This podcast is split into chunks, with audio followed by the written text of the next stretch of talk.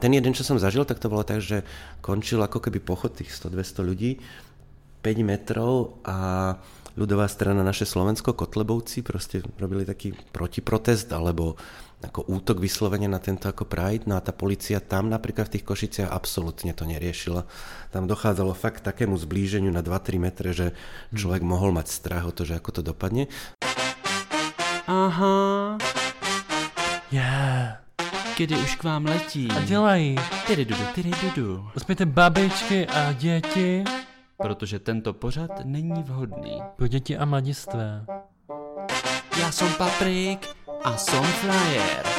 A já jsem Kuba a jsem... It is the best show on the internet.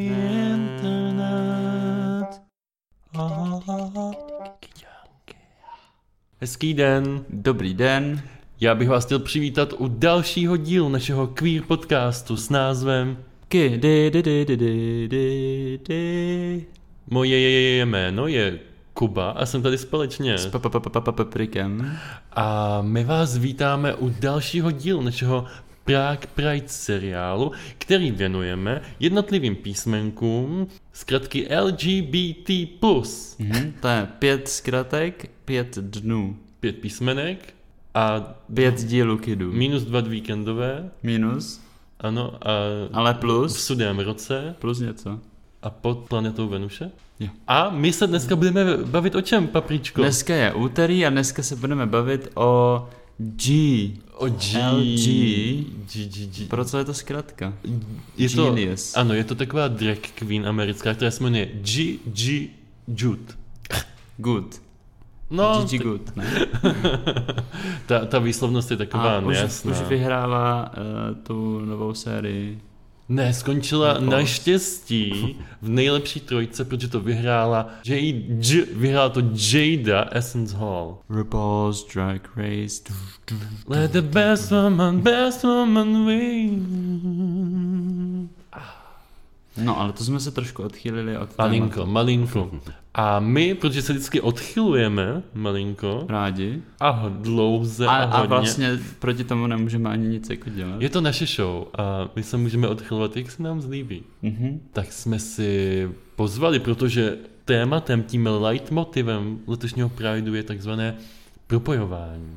Přesně tak, connections. Ano, uh, networking. Rozhodli jsme se udělat z našeho podcastu podcast mezinárodný. Ano, aby jsme propojili i mezinárodní vztahy, Ano. nejenom ty normální vztahy. Nejenom vnútroštátne, Mhm. ale aj medzinárodné. Samozřejmě taky osobní, O, osobné, intimní. Áno, ale o tom budou zase jiné díly.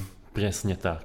Mhm. A já bych se chtěl ještě na začátek omluvit, že možná budu přeskakovat do slovenštiny, protože mě to hrozně láká, protože si říkám, že když se čl- chce člověk něčemu naučit, Mhm.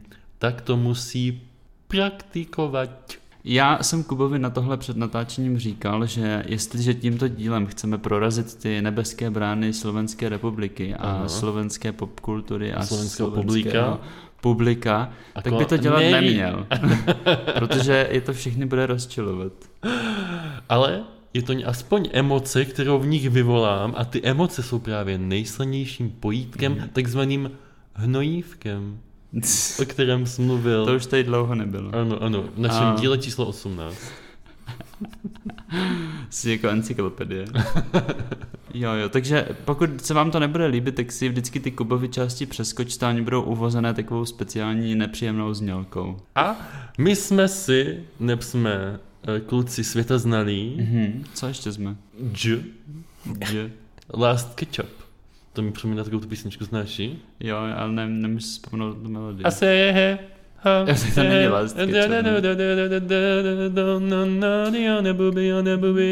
Last Ketchup, je to, co jsi řešil včera večer, když jsi neměl co k párku. A Last Ketchup je i začátek jména našeho hosta, kterého jsme si poslali ze Slovenska a tím hostom je Láko Oravec. Vítaj, Láko, ako sa máš? Tak ďakujem, ahojte, mám sa fajn. Na to jsem se neptal, nebo jo? Jo, ptal jsi na to, jak se má. A to mi přišlo jako dobrá odpověď. Ako vždy v Brne takže vlastne um, užívam si to. Ale my jsme si Láca pozvali Lebo Laco je aktivista, ktorý sa venuje veľa témam a tým je... Um, asi sa pohybujem v takom sektore ľudských práv vo všeobecnosti široko. Asi 20 rokov pracujem v mimovládnych organizáciách. Nádhera. A si gay? Som gay. Je to, to- by bol teda ako fail, keby ste gay deň nemali geja, takže... Právě to, co- představ si ten fail. Je pravda, že som nedostal žiaden dotazník so s demografickými údajmi, takže vlastne, že mohlo sa My stať... sme si našli jenom tvůj profil na Grindru a tam to bylo vypísané v tej kategórii, takže... Možno som tam len robil výskum, takže máte šťastie. Ale mne by najviac zaujímalo, že vy v, v češtine je plus písmenko, keď ste povedali, že 5 písmen LGBT+, tak ja Ani dopich. no, tak my, my moc děkujeme Lacovi, že si udělal čas. Áno, áno. A? ano, a protože jsme tak moc rádi, že jsi tu s námi, tak bychom se tě zeptali, co pro pana Laca znamená sexuálna orientácia. Myslím, že sa to v čase trochu menilo. Ja mám rád, keď, alebo teda verím veľmi na tie koncepty identít a keď jednotlivec má viacej tých komponentov identít a sexuálna orientácia je jedno z mnohých a mm, u niekoho je oveľa dominantnejšia, u niekoho menej. Ja mám pocit, že u mňa naozaj ako keby to nie je to jadrové a to, čo by ma najviac definovalo. Takže vlastne ako hrdo sa k tomu hlásim, ale zároveň nemyslím si, že vnímam treba aj domácu politickú scénu len cez optiku uh, LGBT. Takže vlastne pre mňa to je súčasť nejakej väčšej identity a teda určite, keď som mal 18, 19, 20, tak uh, to znamenalo niečo zásadnejšie a trvalo dlho, kým človek nejakým spôsobom si tieto veci uvedomí. Dnes to je taký malý komponent Laca Oravca. To je hodně zajímavé. No, toto bude. Hlavně jsem tam zase slyšel takový políček nám dvěma, že jsme chtěli, mm-hmm. že to vypadalo, ako by sme chceli Laka zredukovat iba na Geja. geja, mm-hmm. čo nie je pravda. Teďka otázka, jo? Áno. Uh, myslíš si, že když budeš třeba o 10 let starší, že pro tebe sexuální orientace bude znamenat jenom část tvojí identity, protože v současné době je to jinak, si myslím. Myslíš si, že uh, moje sexuální orientace hraje v mém životě nějaký významný... Klíčový. je to moje klíčová dírka, ano. No, neumím si to představit. Já teda se přiznám, že o budoucnosti moc nepřemýšlím. Hlavně o té vzdálené, jako je třeba 10 let, to si neumím ani, ani představit. Zatím jsem rád, že moje klíčová dírka funguje a zaměstnává mě tak, jak se to teďka děje. Tak, to je v pořádku. To je v pořádku a i jiné věci jsou v pořádku. Přesně tak. Laco, ty jsi mluvil o tom, že když ti bylo 18, 19, tak to pro tebe znamenalo víc. Pamatuješ si na svoje dospívání a uvědomování si té sexuální orientace po případě coming out? Nie som taký senior, aby som si nepamätal, ale určite teda z viacerých dôvodov je to podľa mňa v tom období zásadnejšia téma pre mladého človeka, ale ešte aj dajme tomu, to boli 90. roky, takže vlastne aj vôbec tá postoj majority a celej tej spoločnosti, určite to bolo náročnejšie v mnohých veciach. Téma strachu bola prítomná veľmi takého nejakého aj dlhého váhania, vôbec sa s niekým zdôveriť a podobne. Čiže ja si myslím, že u mňa to bol taký zvláštny e, vnútorný proces, že si pamätám, že keď som mal asi 15 rokov, tak som si prvýkrát kúpil nejaký gay časopis, taký, všetky boli české, lebo že u nás podľa mňa ani nevychádzalo nič a myslím, že to bolo Absolut Soho. A, Absolut Soho. a to som vlastne prelistoval a v tých 15 rokoch som mal pocit, že neviem, som to odložil proste. Viem, že som mal pocit, že to ako keby buď to nie som ja, alebo neviem, že to. A pamätám si, že potom asi o 2 alebo 3 roky, niekedy keď som mal 17-18, tak som si to kúpil akože znovu a vtedy vlastne som tak pochopil, že to je o mne. Takže vlastne teraz neviem, že či v niečom si pripadám práve takto ako keby, že opozdený v tom seba uvedomovaní, lebo je pravda, že do toho veku som neriešil ani dievčatá, čiže vlastne ja som celú tú svoju sexualitu mal posunutú.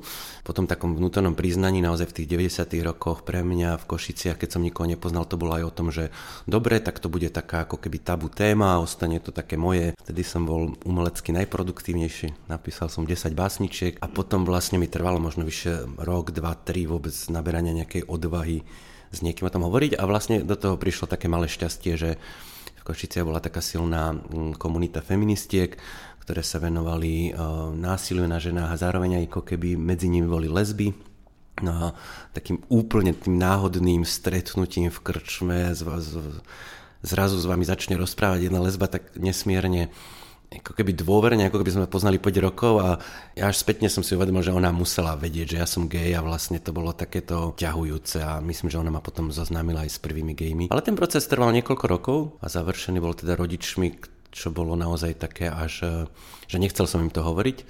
Bolo to v období, mohol som mať 23 rokov a bolo to asi v období, keď som ako nemal partnera, tak mne to vždy prišlo také, že aj tak mi to tá mama nebude veriť si myslieť, že si to tak nejak vymýšľam a že však nemôžem toto vedieť a tak. Takže to, ale je pravda, ja hovorím, že vlastne ona to zo mňa vypáčila, ako keď eh, tajná agentka proste na výsluchu, lebo fakt, že už začala tak v nejakom období klásť také otázky a ja som to vždy tak, tak zatlkal a, a tak sa vykrúcala už ako jeden deň. To bolo také nátlakové, že som povedal, že áno. Ako dnes máme dobrý vzťah, je to fajn, ale bolo to ťažké aj v tom, ako keby v tom, v tom konkrétnom období. No ale to má byť zábavný podcast, takže ďalšia otázka. To znamená, abychom udrželi tu zábavnou linku. Rozumím tomu správně, že tvoje máma tě v podstatě dotlačila ke coming outu. Ja som to hovoril práve Jakubovi včera, neviem, či sme sa o tom niekedy bavili. Ja som nepočúval, Áno. takže Ja by som som- ťa poprosil, keby si mohol zopakovať. Áno, áno, áno, ale že ja som robil filmové recenzie a z okolností v ten deň ja som chodil naživo čítať do rozhlasu v Košiciach a som robil na film, ktorý sa volá mm, Kvapky dažďa na rozpálených kameňoch. A to je jeden z tých filmov, kde fakt ako nezatajíte v tej recenzii, že ide o príbeh staršieho muža a mladšieho chlapca a majú ako romanticky tento e, námotávku a vzťah a toto a keď som prišiel domov, tak moja mama, že No ja mám pocit, že tak nejak veľmi často robíš takéto recenzie a, a takéto akože, otázky začali vidieť ja, že však to mi pridelili a za to nemôžem, že tak ma poslali z redakcie urobiť tento film. No a ona potom fakt, že sa pýtala ďalšie a ďalšie otázky, že ja mám strach, že či... Ale ani neviem, aké slova používala, lebo podľa mňa ona doteraz, ani tých 20 rokov neskôr, nepoužije slovo gay podľa mňa, takže ani neviem, aký to bol vôbec jazyk, ale vtedy som jej to potom povedal, no. Mě to připomnělo, když jsem byl teďka v obchodě s outdoorovými potřebami. Tam jsem viděl něco, co se jmenuje Peplouš. A je to, jsou to takové dvě černé, úzké, falické věci s drátkem. A bylo to opravdu v outdoorových Jo, jo, potřebách. opravdu, opravdu. A to je věc, která se jako vloží do boty a ohřívá No. se a ona ti jako vysuší tu botu. Podľa mňa akože to dáva úplnú logiku, že proste potrebujeme ohrievať aj mimo uh, intimných vzťahov, takže vlastne No a viac takých teplošov podľa mňa. Jo. mně to zase připomíná, víš, jaká je zkratka pro home office? Home office. No a myslíte si, že to je nějakým způsobem jako nevhodný? Inak to je aj české slovo, lebo teda u nás Je, teda teplož, je, je. že to je ten cit pre český jazyk. Mm, asi keby protože- nejaký výrobok sa volal teplož na Slovensku, akože bolo by to asi Mm. uh, urážlivé. Protože tam je jako to, co je tam, ten, ten důvod, proč se tak jmenuje, tak je ten vtip. No, A to je si myslím jako za čárou trochu. Aha. Jako podle mě by bylo daleko víc za čárou, kdyby se to třeba jmenovalo Laco. Místo Lano. nic. Ale Pozrite jak, si. ano, je to, jak říkají holky z Vyhonit ďábla, je to takzvaný necitlivý humor, ale já bych se za to, jako je to, je to trapný, ale jako nepřijde mi to něco, co bych se zlobil. Jestli tomu ale správně rozumím, Laco, tak ty jsi mluvil o tom, že jsi potkal lesby a že se vlastně mezi lesbama našel. No, A já jenom pro naše diváky bych chtěl říct, že včera jsme nahrávali díl o lesbách, tak kdyby Fíha. vás to zajímalo a chtěli byste se taky najít, tak si ho určitě pustíte. A ty zmínil, že jsi díky tomu dostal i k aktivismu, že se věnoval těm feministickým tématům. ano. A mě by zajímalo, ale ještě než se dostaneme k té situaci na Slovensku, tak tom, jak vnímáš partnerský vztahy gejů a zajímalo by mě to hlavně s ohledem na to, jak zmínil, že to gejství není pro tebe v tuto chvíli tak významná část, jako třeba byla v tom dospívání, tak jestli se někam posunul ve vnímání vztahu a mohl bys nám nastínit, co nás dva třeba čeká s Patrikem. Mhm, to, Spolu? To ešte presne neviem, ale no ja som osobne nemal zase šťastie na dlhé partnerské vzťahy, až teda na jeden a väčšinu dospelého života som prežil ako single, ale v zásade stále ako som otvorený tomu, že možno sa objaví ten dlhodobý vzťah, možno nie, ale zdá sa mi, že viem dobre fungovať aj mimo tých vzťahov. Určite si myslím, že gay vzťahy sú z viacerých dôvodov odlišné od hetero vzťahov minimálne z dôvodu tej reprodukčnej funkcie. Ľahšie sa tí ľudia rozchádzajú, ak cítia, že teda sa naplnila tá funkcia toho vzťahu a nie sú tam, dajme tomu, deti, alebo ani ten, tá perspektíva tých detí. A zároveň je ťažšie ustať, podľa mňa, na verejnosti, ako keby krehký homosexuálny vzťah v nepriaznivej spoločnosti. Čiže podľa mňa v krajinách ako je Česko, kde podľa mňa gejom predsa len viacej praje tá situácia, tak je ľahšie podľa mňa byť aj veľmi otvorený, aj, aj príjmaný. Ale v krajinách, kde naozaj ešte je to trošku také, že buď sa treba skrývať, alebo ako keby cítite aj to, že to okolie až tak tú vašu mm, sexualitu ako keby neakceptuje alebo nemá o, potrebu s vami zdieľať, tak, tak je ťažšie podľa mňa vnútorne v dvojici ustať ako keby všetky tie problémy, ktoré prichádzajú. Čiže v tom si myslím, že sú naozaj ako keby trochu krehkejšie. My, ty jsi o tom krásně začal mluvit, že my tady v Česku se máme báječně, hmm. co se týká té LGBT komunity a jejího přijímání, ale Patriku, hmm. slyšel jsem, že v mnohých krajinách V4 to nie je také růžové. ano. Duhové, duhové. Ano, ano, ano. Hmm. A já teda, moje znalosti zeměpisu nejsou úplně nejlepší. Tak dovol, tady tě přeruším. Tak mě potom, když tak opravíš. Nebo tě opravím. Ale slyšel jsem o jedné zemi. Na východě. Za horami na východě. Myslím si, že sousedí s Ruskem.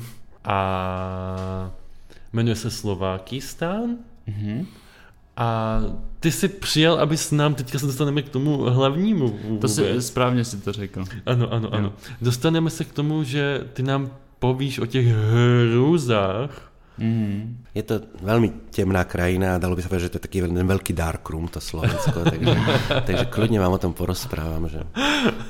A, a, a začal bych jednou otázkou konkrétní, ty jsi zmínil o tom, že když v těch devadesátkách nějak si uvědomoval svoji orientaci a přiznával si ji, takže tam důležitou roli hrál i jakýsi strach. Mm-hmm. Zajímal by mě, jestli se za těch 85 let od té doby Eh, ten strach někam posunul, jestli se zmenšil, zvětšil. A co na to Jánošík? Hej. A čo na to Jánošík? Uh, počkej, to my máme tie tiež historické špekulácie o tejto orientácii, ale Janošika to obchádza teda, ale u nás tá kultová osoba Ľudovita Štúra, tam sa neustále ako keby, že mm-hmm. vedú tieto polemiky, ale ako presne sme ten typ krajiny, kde si to nikto netrúfne ešte povedať nahlas, lebo by sme siahli na niektoré z tých historických modiel. Ale či sa to zmenilo ako keby tak môj osobný strach sa úplne akože zmenil a pomerne aj rýchlo a naozaj je to jedna z vecí, ktorú viem povedať medzi prvými informáciami o mňa, ale ak som teda na to opýtaný, že opäť nemám potrebu v predstavovaní ako toto povedať. Ja jenom bych upozornil, že Laco má na sobě košili, kde je nápis Som gay. Takmer, takmer áno, ale akože s týmto nemám problém. Ale ten strach môže byť prítomný samozrejme v inej miere a v podobnej miere a určite teda tie faktory toho, odkiaľ človek pochádza, stále sme aj pomerne rurálna krajina niekto môže byť naozaj na strednej škole v kolektíve, ktorý je tak homofóbny, že ten strach môže byť až, až, až strachom o život a vlastne Určite aj u nás sa stávajú tragické ako prípady mladých ľudí. E, niečo sa asi mentálne posunulo e, v tej krajine, ale nemyslím si, že v tej rovine ako keby priznanej tolerancie k homosexuálom. Myslím si, že nejakých ako keby útokov alebo takého, či už aj verbálneho, alebo aj fyzického atakovania proste gejov a lezieb nie je podľa mňa toľko ako kedysi, ale tá ideologická e, stena, to, to, to vôbec neochota sa o tom baviť, vidieť tieto veci, možno teda naozaj uznať ako LGBT komunitu ako úplne súčasť spoločnosti, tak tam sa neposúvame. Tam mám pocit, že je taká ako keby skôr tá taktika e, tej hlavy v piesku, proste nebavme sa o tom proste. No a samozrejme nastáva v našom regióne, ale neviem, ako je to u vás, ale ako v Polsku, Maďarsku, na Slovensku, ten ešte taký ten, nikdy som slovenské slovo na to nezistil ten backlash, ten ešte nejaký spätný posun v ideologických hodnotových témach, najmä ohľadom istambulského dohovoru rodu alebo genderu pre českých poslucháčov. A tam dochádza ešte ako keby k zhoršovaniu tej situácie alebo k znižovaniu toho štandardu, ktorý sme dosiahli. A to si myslím, že nepriamo zasahuje aj to LGBT komunity, že akékoľvek požiadavky sú dnes ako keby vôbec mimo akúkoľvek diskusiu. Takže, takže v tomto je to taká zvláštna doba, ale mám pocit, že sa netýka len nášho regiónu, že celý západný svet a Európa zažíva istým spôsobom ako keby znovu zápas o tieto menšinové uh, práva a identity. Když jsi mluvil vlastně sám o sobě, tak lišilo se, lišil jsem ten tvůj strach od tady toho, co jsi teď popsal? Ani, ani si nemyslím, že to bol strach. To bolo to, ja som vyrastal v dobe, keď ste sa reálne do 17-18 rokov nemuseli o homosexualite dozvedieť nič proste. Akože doba ešte pred internetom, doba, kde možno ste videli nejaký film v televízii, ktorý rodičia prepli hneď, hej, čiže, čiže vlastne skôr to bol strach z toho neznám, aby som povedal a vôbec ako keby aj moja tá hypotéza toho, že moja mama s tým bude mať veľký problém, takže skôr strach o to, že možno jej neublížiť a podobne, hej, ale nebol to taký ten strach o, o, o svoju vlastní existenciu.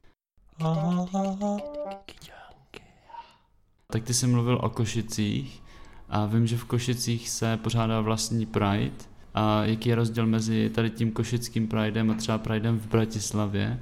A jsou někde na Slovensku ještě nějaké jiné větší skupiny LGBT plus mm. aktivistů, kteří tady tomuhle pomáhají? Té No my, my jsme se včera bavili s Lacem o tom, že na Slovensku jsou vlastně tři gejové.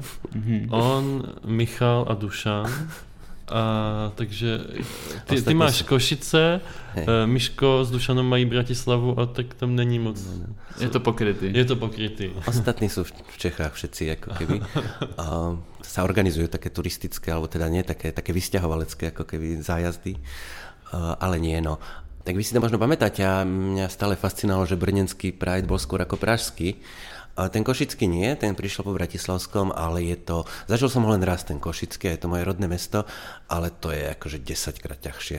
Proste ako keď ste malá skupina ľudí, tých 100-200, idete mestom, kde s veľkou pravdepodobnosťou vás niekto môže poznať, ktokoľvek sa príde pozrieť, alebo ide náhodou okolo po tej hlavnej ulici, tam podľa mňa fakt riskujete alebo že tam coming outujete. Veľmi ma prekvapil ten Košický v tom, že bol vlastne taký stredoškolský. Tam bolo strašne veľa akože totálne mladých ľudí. Niekedy som mal pocit, že možno aj taký tí curious, alebo proste tie skupiny dievčat, ktoré majú veľa tých eh, dúhových tašiek a celé sú také akože oblečené, ale či je to len skôr ako sympatizovanie s tým hnutím alebo objavenie vlastnej identity. No ale no a ten jeden, čo som zažil, tak to bolo tak, že končil ako keby pochod tých 100-200 ľudí 5 metrov a ľudová strana naše Slovensko, Kotlebovci, proste robili taký protiprotest alebo ako útok vyslovene na tento ako Pride, no a tá policia tam napríklad v tých Košiciach absolútne to neriešila.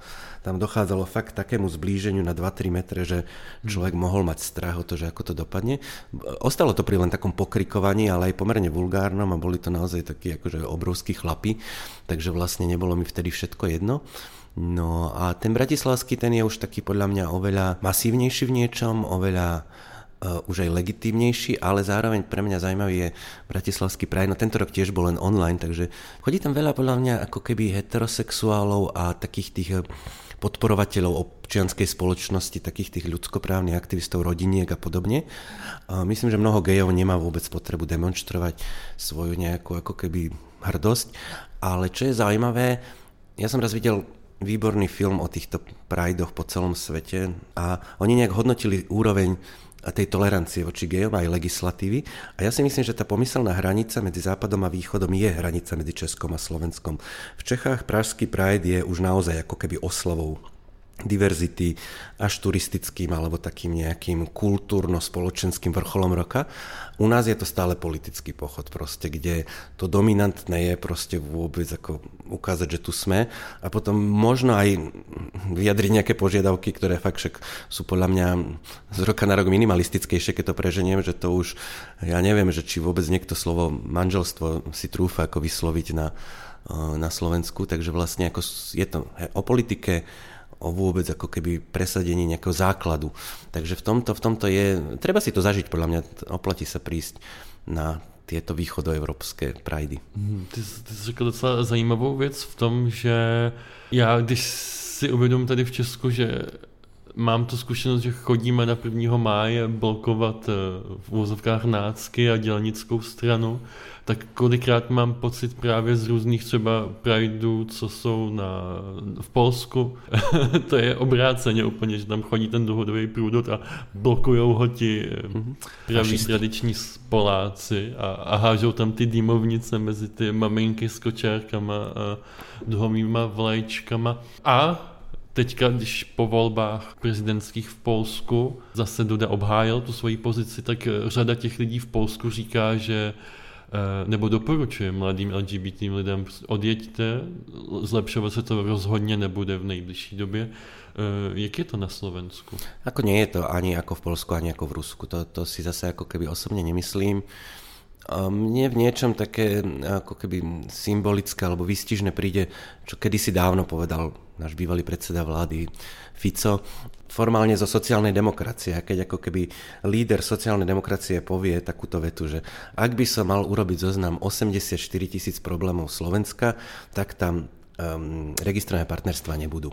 Čiže to je ako ten postoj, že vlastne ako keby u nás nikto nevyhlasuje nejaké gay-free zóny, nikto nezačína zakazovať ako keby nejaké vzdelávacie aktivity a podobne, aj keď o sexuálnu výchovu sa vedú spory.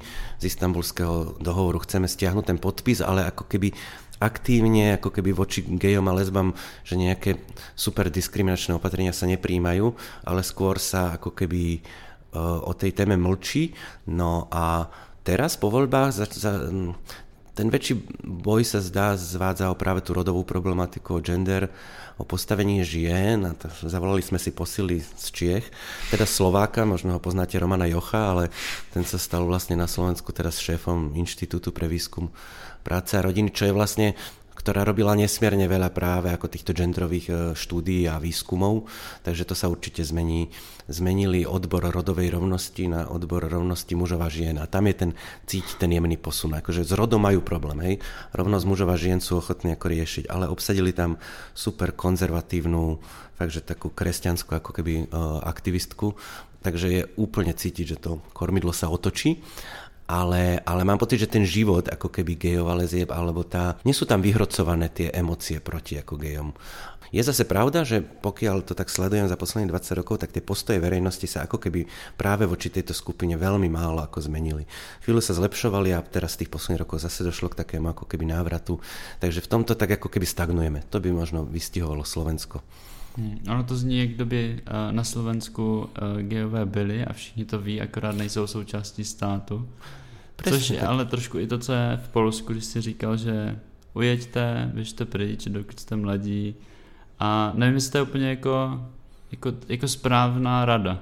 Mm-hmm. Je to rozhodně jako pohodlnější asi. Ja ako aktivista na to mám takú odpoveď špeciálne pre mladých ľudí, lebo v jednej chvíli ako keby vaša nespokojnosť alebo pocit nerovnosti sa môže obrátiť ako skôr na hlbokú frustráciu alebo na také nejaké ako keby negativizmus. A teraz, ja mám pocit, že ak ste mladý človek, máte dve možnosti.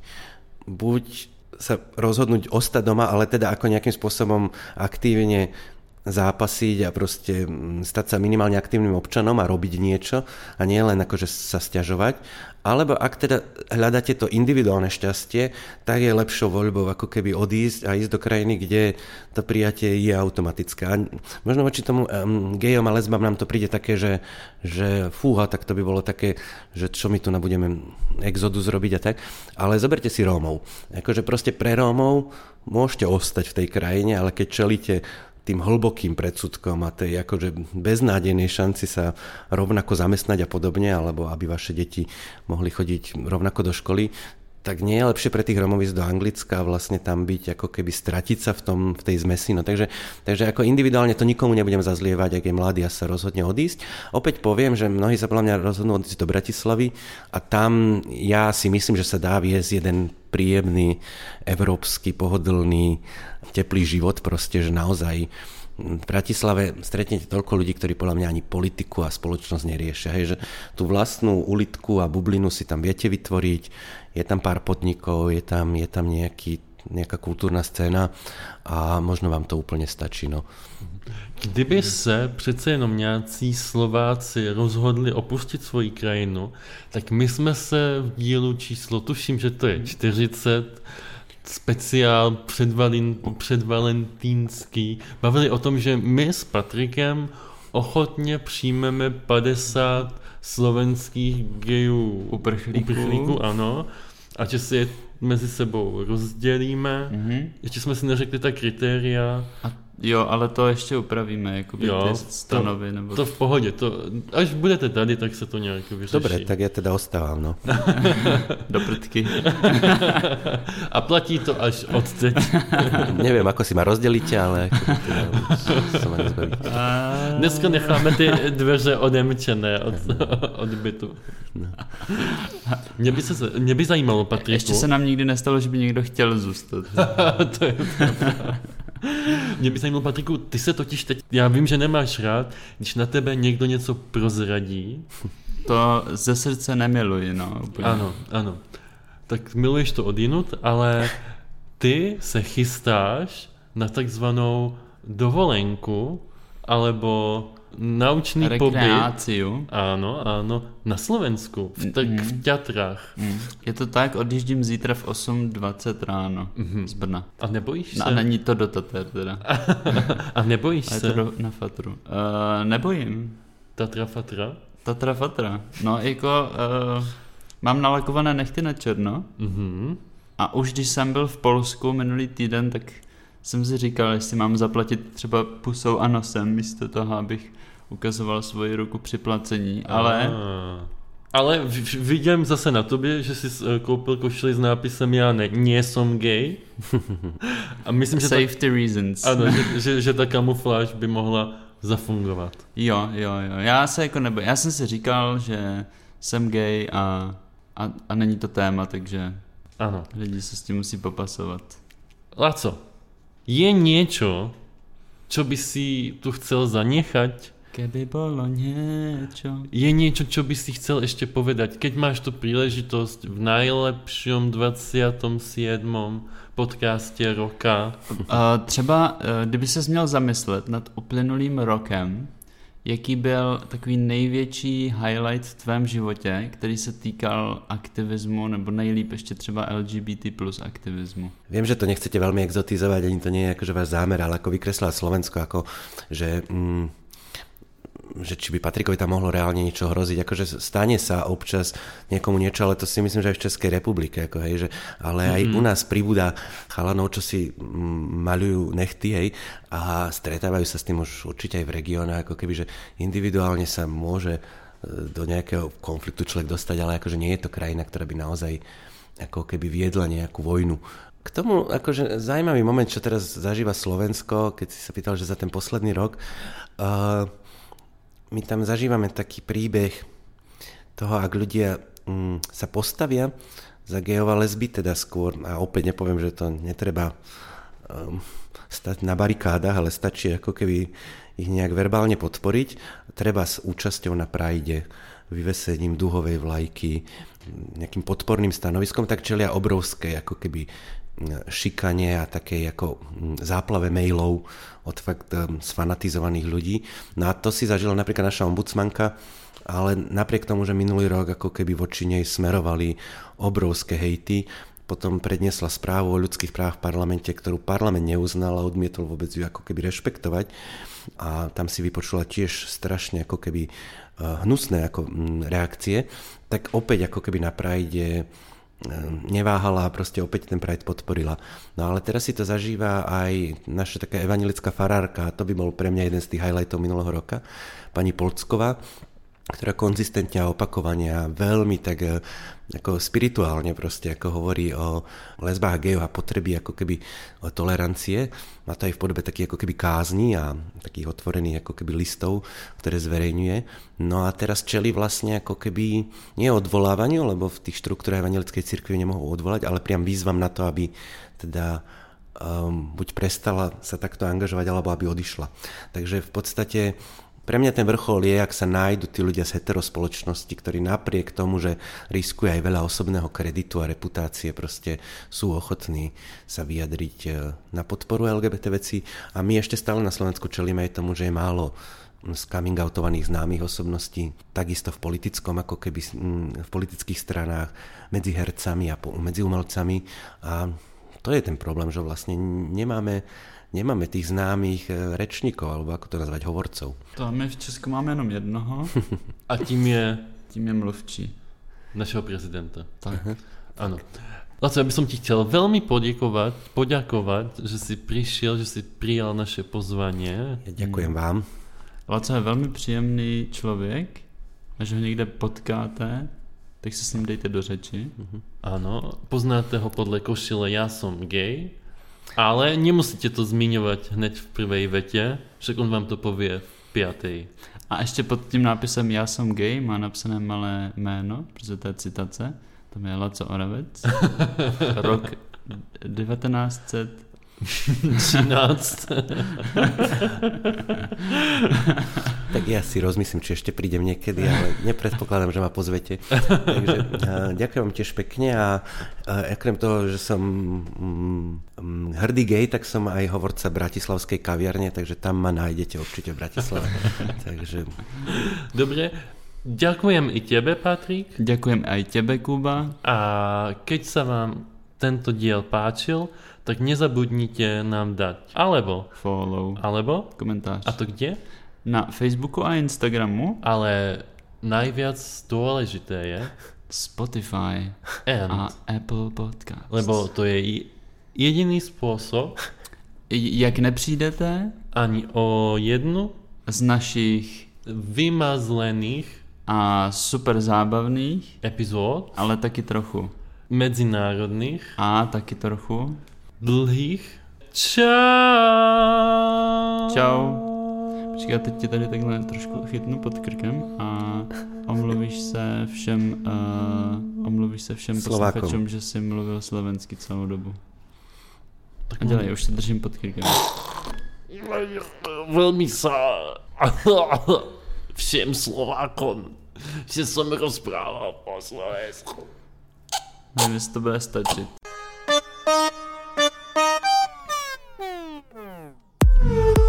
Skončilo. Co jako skončilo? Um, kde tady dám uložit? Ty jsi to jako nahrával? Stejně to nikdo neposlouchá. Nebudeš to dělat. Tak už se můžeš obliknout.